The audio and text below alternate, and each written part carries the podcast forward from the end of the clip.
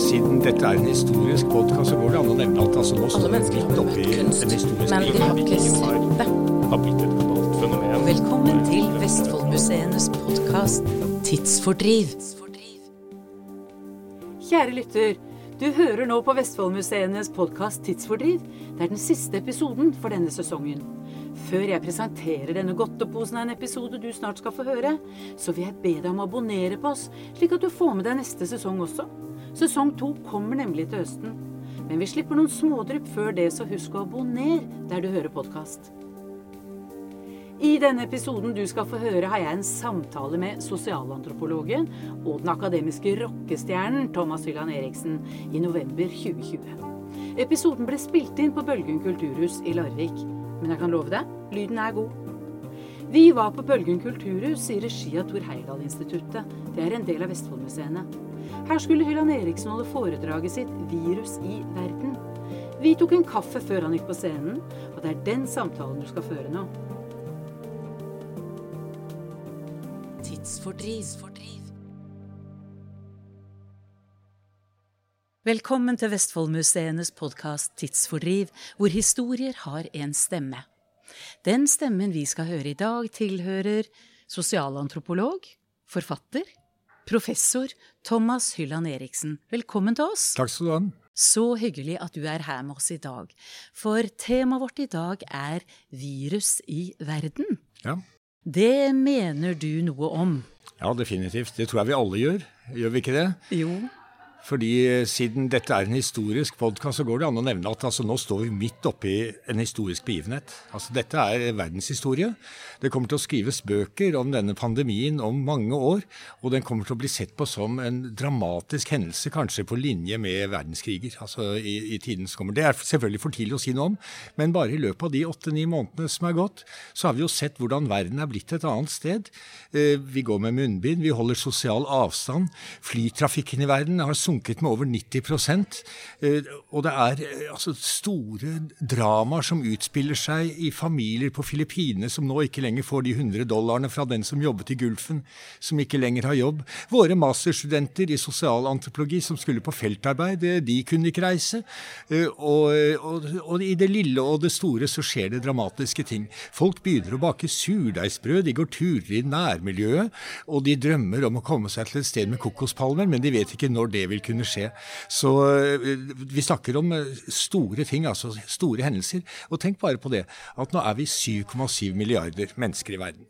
Og nesten ingen er helt uberørt av denne pandemien.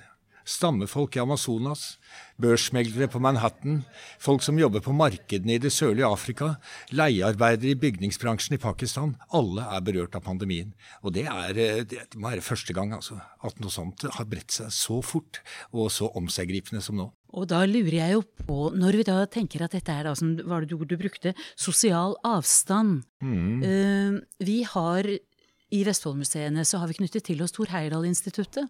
Og der er det jo eventyrere, oppdagelsesreisende, og de søkte jo ofte hva skal vi si, sosial avstand i sine eventyr. Ta eksempel polfarere. De går og er alene med seg selv og sine tanker. Vi i dag, som lever i våre hverdagsliv, vi får betydelige bekymringer med en gang vi tenker at nei, nå må vi holde sosial avstand. Hva, hva tenker vi at det gjør med oss? Jeg tror det gjør ganske mye, men bare for å ta uh, polfarerne og de som reiser først, altså, for det er jo et eh, kjempemorsomt tema, og, og veldig selvfølgelig Thor Heyerdahlsson. Jeg må jo si at pandemien er jo også på en måte i Thor Heyerdahlsson, fordi det han var aller mest opptatt av, var jo forbindelser. ikke sant? Ja, Hvordan nemlig. folk hadde kontakt med hverandre. De ti, veldig, veldig tidlige globaliseringen hvor folk reiste over verdenshav.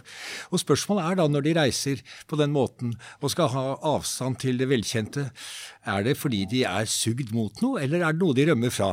Jeg tror i mange tilfeller at det kanskje kan være begge deler, og det kan være veldig produktivt og fruktbart. Men den påtvungne sosiale avstanden, den, den er, fungerer jo på en helt annen måte. Og det er noe veldig unaturlig for oss mennesker å ikke kunne være sammen på en naturlig og ubesværet måte. Altså det å måtte gå med munnbind og holde én meters avstand, og noen begynner å bjeffe til hverandre fordi de bare står 70 cm bak, eh, og du får ikke servering på kafeen din fordi du har glemt å ta på deg munnbind. Eh, og det virker ikke naturlig, fordi vi mennesker liker å være sammen på en ubesværet og ubekymret måte, og vi liker kanskje å ta hverandre i hånden og klemme hverandre og være på fotballkamper og konserter hvor vi kan være tett sammen. Så det er klart at dette, dette preger oss eh, like mye som den økonomiske krisen. Men vi har vel i den senere tid blitt veldig opptatt av nettopp dette med klemming og nærhet. Har det alltid vært sånn? Nei, og det varierer jo litt fra sted til sted. Men det å komme sammen i store grupper, det er jo noe som mennesker alltid har drevet med. Store ritualer som gjentar seg hvert år. Det er noe man ser frem til. Altså Hvis vi nå tar noen av disse polområdene, inuittene, altså tidligere kjent som eskimoene, på Grønland og i, i Canada. Om vinteren så bodde de i små familiegrupper. Det var kjernefamilien, og de drev og jaktet litt på sel og, og, fisket og sånt noe. Men om sommeren kom de sammen. Og da skjedde alt. Da hadde initieringsritualer for ungdommen. Altså Ungdommen skulle bli voksne, ikke sant, de måtte gjennom prøvelser. De hadde ekteskap, de hadde begravelser, og de hadde politiske møter hvor de diskuterte liksom hvordan de skulle eh, organisere jakten neste sesong. Og masse festing og masse flørting, og de satt rundt leirbålet.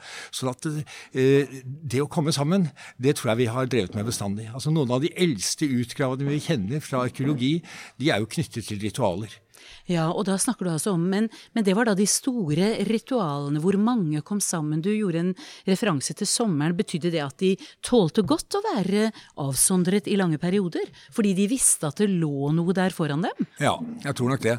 At du ser, du ser frem til Hvis du ikke er liksom helt autist eller helt asosial, så vil, du, så vil du jo se frem til å kunne komme sammen med andre mennesker igjen. Eh, folk som reiser på sånne meditasjonsretreats, de kan eh, drive med stille meditasjon i inntil to uker og ikke si et ord. Men det er en pause mellom uh, ulike former for sosialt samvær. Og det er også selvvalgt. Altså Det som har skjedd nå, er jo at det er blitt påtvunget, mm. uh, og det oppleves som ubehagelig. Og nå følte mange i land som Norge, men også andre steder, også i Italia og Nepal, så følte de at i vår så gjør vi vår plikt, nå gjør vi en innsats, og nå tar vi et skikkelig skippertak her og, og holder oss i skinnet og, og holder oss hjemme og, og holder avstand osv. Og, så og så skal dette gå over ganske snart. Og så så det jo ut som om det var i ferd med å gå over i sommer, for da sank smittetallene over hele Europa nærmet seg null. Men så kom slutten av august, og så føyk de til værs altså som en rakett. Og dermed ble det iverksatt kanskje enda strengere, i hvert fall like strenge tiltak. Og du vet for engelskmenn å ikke kunne gå på puben på lørdagene og spise fish and chips og drikke øl og se på fotball for nordmenn å ikke kunne altså, være sammen og, på fester og gå på puben og også forskjellige aktiviteter som vi driver med, det oppleves ikke som riktig, og det oppleves som unaturlig.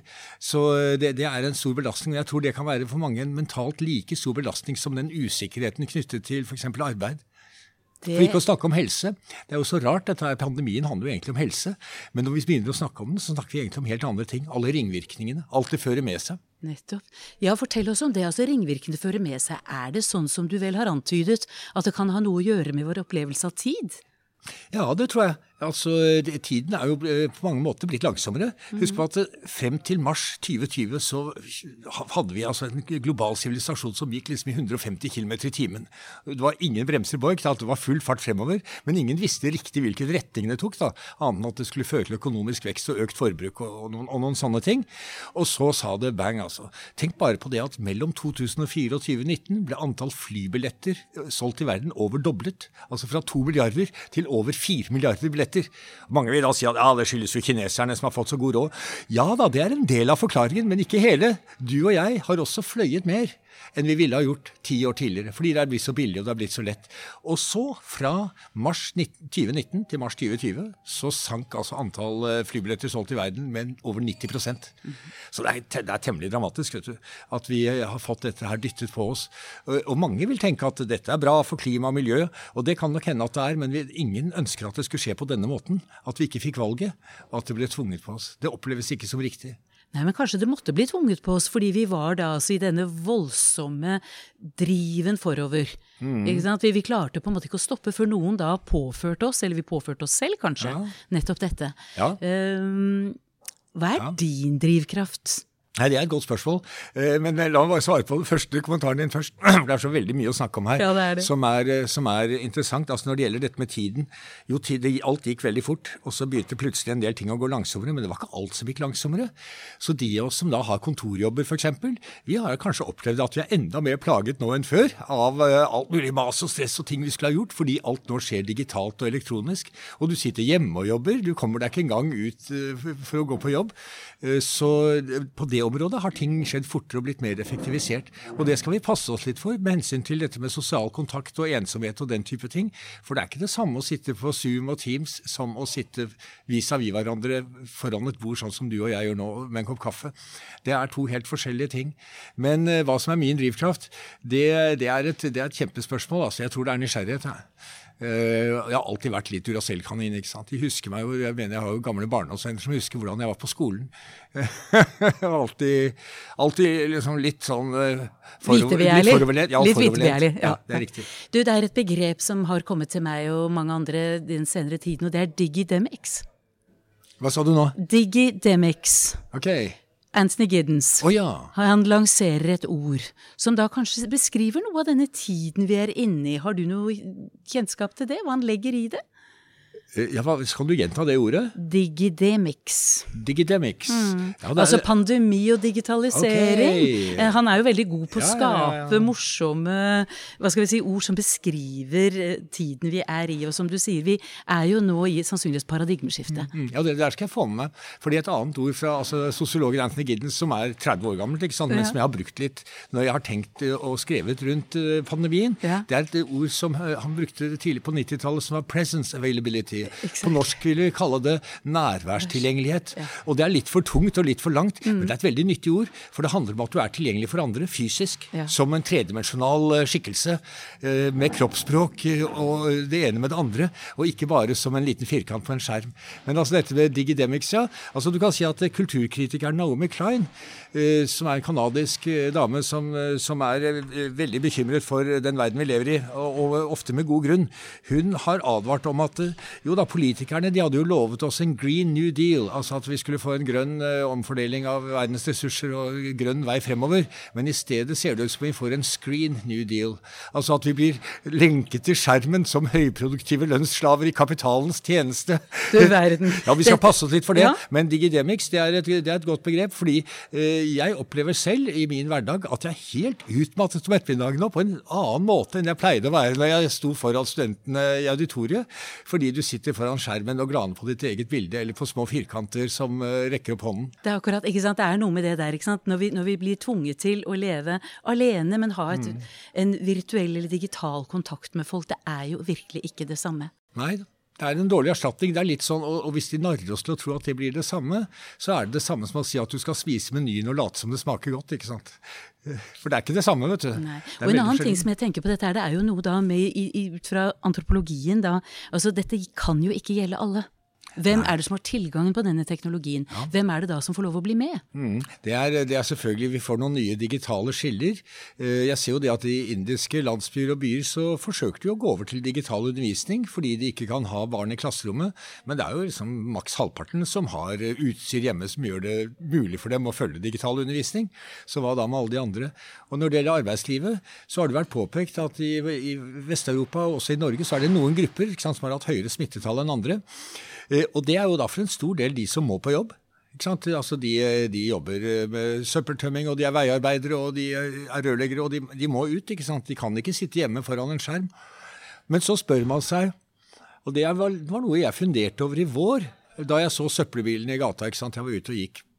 Har de det verre eller bedre enn meg? Kanskje på noen måte litt bedre, for de lever jo et helt normalt liv. De er ikke påvirket, ikke preget på samme måte. Mens jeg kommer meg jo ikke på jobb, jeg får ikke møtt studentene mine, jeg får ikke vært sammen med kolleger, og sitter der hjemme, altså lenket til skjermen. Kanskje de tross alt har det bedre. De fleste av dem blir jo ikke smittet av denne sykdommen. Så det er, det er, det er et åpent spørsmål det der, om dette digitale klasseskillet. Eh, om det gjør at noen blir digitale slaver, og andre blir litt friere fordi de slipper unna mye av dette her. Ja, og en annen side ved det der også som jeg har lurt litt på når vi ser på ensomhet. Mm. Eh, folk som da har vært ensomme før dette traff oss i mars. Mm. Kanskje de ikke føler seg fullt så ensomme denne julen, for det er så mange andre som er ensomme på en helt ny måte? Ja, det tror jeg er veldig riktig. At uh, det, det, er akkurat det. Da blir det flere. Og det er jo som man sier at felles skjebne er felles trøst. Eh, og for dem har ikke livet forandret seg så mye. Altså Jeg har en god venn som er ganske kraftig funksjonshemmet. Han kommer seg jo ikke ut. Han har assistenter 24 timer i døgnet. ikke sant? Han kommer seg ut av og til, men det er sjelden. Eh, og for ham har ikke livet forandret seg så mye. Som for oss som da løp rundt og, og, og holdt på og satte oss inn i fly og, og, og, så videre. Så det er et perspektiv. Men jeg tror da at når det gjelder dette med ensomhet, så er det jo et par grupper som er hardere rammet enn andre, altså hvis vi skal tenke sånn med alder og, tid. Uh, siden du var inne på tid. Uh, det er uh, eldre som ofte har fått større, mindre sosial kontakt. Ikke sant? Mange av dem er enslige og mindre besøk. Hvis du bor på et sykehjem, du kan ikke få besøk osv. Det er i hvert fall veldig begrenset. Og så er det de unge, de mellom 15 og 20 år. fordi for dem er et år veldig lang tid. For deg og meg, i hvert fall for meg, jeg er snart 60, så er et år veldig kort. Ja, ja, dette året det var jo kjipt, men så Det gjør ikke så mye. For jeg har hatt så mange år før, og det kommer noen år til senere. Men hvis du er mellom 15 og 20, så var det det ene året. ikke sant? Du skulle være russ, du skulle på folkeskole, det var det året du fylte 16 år. Og du skulle på fester, og det skulle skje saker og ting. Og så skjer det ingenting. Og du blir sittende i kjelleren og spille PlayStation eller uh, kommunisere via smarttelefonen din. Og det er ikke noen god erstatning. Så det, det, de har, min sympati går dit. Uh, til de som er enslige, mange av dem eldre, og til de helt unge. Så i min generasjon har vi mye mindre å klage over. Det er vi nok mange som er enig med deg i. Jeg tenker jo nettopp disse da mellom 15 og 20 år. Det er da kanskje du lever ut dine drømmer, du meisler ut 'hvor skal jeg i verden', mm. og, og altså, plutselig så er jo ikke den verden tilgjengelig for dem slik den har vært for tidligere generasjoner. Nei, Nei. Jeg, jeg kommer i tanker om uh, siden du sier det på den måten, altså noen prosjekter jeg har vært med på knyttet til flyktninger og venting. Altså Mesteparten av tiden så flykter jo ikke flyktninger. De flykter bare veldig kort tid, og så venter de. Først venter de på å kunne dra, og så venter de på ditt, og så venter de på datt, og så blir de plassert i en slags sånn lager eh, flyktningleirer, hvor mange av dem er i flere år. Og livet ruller videre, og de får eh, kanskje en tekstmelding fra tanten hjemme som lurer på om de snart skal gifte seg. Og de har jo ikke mulighet til det. Men de er kanskje kommet opp i 20-årene, og så har de ikke fått seg en ordentlig utdannelse, og så renner tiden ut i sanden. Uh, nå er det ikke like dramatisk å være mellom 15 og 20 år her, for man har mye trygghet, og man vet at dette her vil gå over. Men det er ikke helt usammenlignbart, vet du. Fordi uh, det er, som du sier, du skal meisle ut livet, og du skal leve ut dine drømmer, og du skal prøve ut forskjellige ting. Og så blir alt satt på vent. Og, og biologisk blir du eldre. Men du går ikke gjennom de erfaringene som du burde ha gjort. Nei, Og det er jo veldig spennende. Hva gjør dette med oss, altså menneskeheten, mm. når vi nå er tvunget til en ny væren i verden, rett og slett? På litt lengre sikt, ja. Kommer vi til å fortsette å, å praktisere sosial avstand etter at dette er over? Blir det naturlig? Hørte det var en som sa, en helseekspert uh, i et annet europeisk land, som snakket om at nei, håndhilsing, det mente han nei, det var, det var uten også. Det, ble, det, kom ikke, det kom ikke tilbake. Håndhilsing vil ikke komme tilbake. Det syns jeg er litt dramatisk. Jeg tror at håndhilsingen kommer tilbake, men at det vil være en, en, form for mistenksomhet som setter seg i kroppen. En frykt, bekymring som setter seg i kroppen. For nå har vi vent oss til dette her med at andre mennesker er, er potensielle smittebærere og farlige, og man må være mistenksom overfor dem. Så ta en sånn ting som turisme, altså masseturismen til Syden. Jeg tror ikke det kommer tilbake på samme måte som før, i hvert fall ikke på veldig lang tid. Du kommer deg nå dit etter å ha vært gjennom mange sånne smittefarlige steder, sittet innen den der metallsylinderen som vi kaller fly, og gått rundt på flyplasser, som jo er et veikryss for folk fra hele verden, ikke sant? For de kommer fra alle mulige steder. Og så kommer du deg endelig til hotellet, og så ser du på svømmebassenget, og så tenker du at nei, aner jo ikke hva slags bakterier eller hva som er oppi der. ikke sant? Jeg dropper det, jeg bestiller en drink i stedet, jeg. Og så bestiller du en pina colada, og så kommer glasset, og så tenker du hm, hvem er det som har tatt på dette glasset før? Er dette sugerøret trygt? Og så ender det med at du bare lar den bli stående, og så går du og kjøper deg en flaske vann i stedet. altså Slik ser jeg det for meg at for en del mennesker vil være. Og eh, jeg tror ikke at jeg kommer tilbake på samme måte som før. Eh, og det har noen store økonomiske sider for de som er avhengig av turisme. Men det kan ha noen gode sider også. Vi må bare tenke litt annerledes om hva som er det gode livet, hva som gjør livet verdt å leve. Og der har vi fått et pusterom nå, og en mulighet til å tenke litt annerledes om uh, hva vi gjør her, og hva vi holder på med. Så det kan rett og slett være et dytt i retning av en betydelig miljøsak, det du beskriver nå? Ja, og kanskje mer medmenneskelighet, hvis ja. vi gjør det på den riktige måten. F.eks. dette med arbeid. da. Altså Nå er det jo en del folk som uh, har mistet jobben, eller som er permitterte, uh, også i vår del av verden, i Norge. Og mange av dem kommer ikke til å få jobben tilbake igjen. Så det er en del bransjer som ikke kommer tilbake på samme måte. Og da må vi tenke litt annerledes om hvordan vi skal fordele arbeidet, og hva slags type jobber. Skape noen flere grønne jobber. Uh, fordele ressursene litt bedre utover. Og, og det, kan være bra for oss. Jeg, så jeg tror vi, altså, En krise i, i, det gamle Hellas så var en krise først og fremst et medisinsk begrep. Det, hvis du hadde en høy feber, så var det en krise. Det var en kritisk fase. Det er det vi kaller en kritisk fase. Og da var det to mulige utganger på krisen. Du døde, eller du kom deg. og hvis du døde, så er det end of story. Men eh, hvis du kom deg, så får vi jo håpe at du hadde lært noe, da.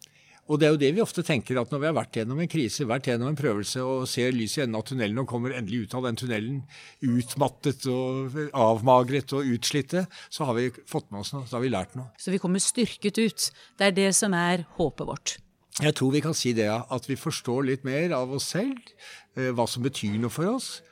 Og kanskje at vi kan eh, vri denne samfunnsutviklingen i en litt annen retning. Det håper jo iallfall jeg. Fordi vi skal ikke glemme det at Norge er jo et av de fleste land i verden som har skrevet ut på noen temmelig hårete klimaavtaler. Og vi har jo ikke gjort noe for å oppfylle dem. Eh, ikke så veldig mye i hvert fall. Og nå har vi faktisk muligheten til å gjøre noe med det. Da går vi inn i fremtiden full av håp, tross alt. Ja. Takk skal du ha, Thomas. Tusen takk skal du ha.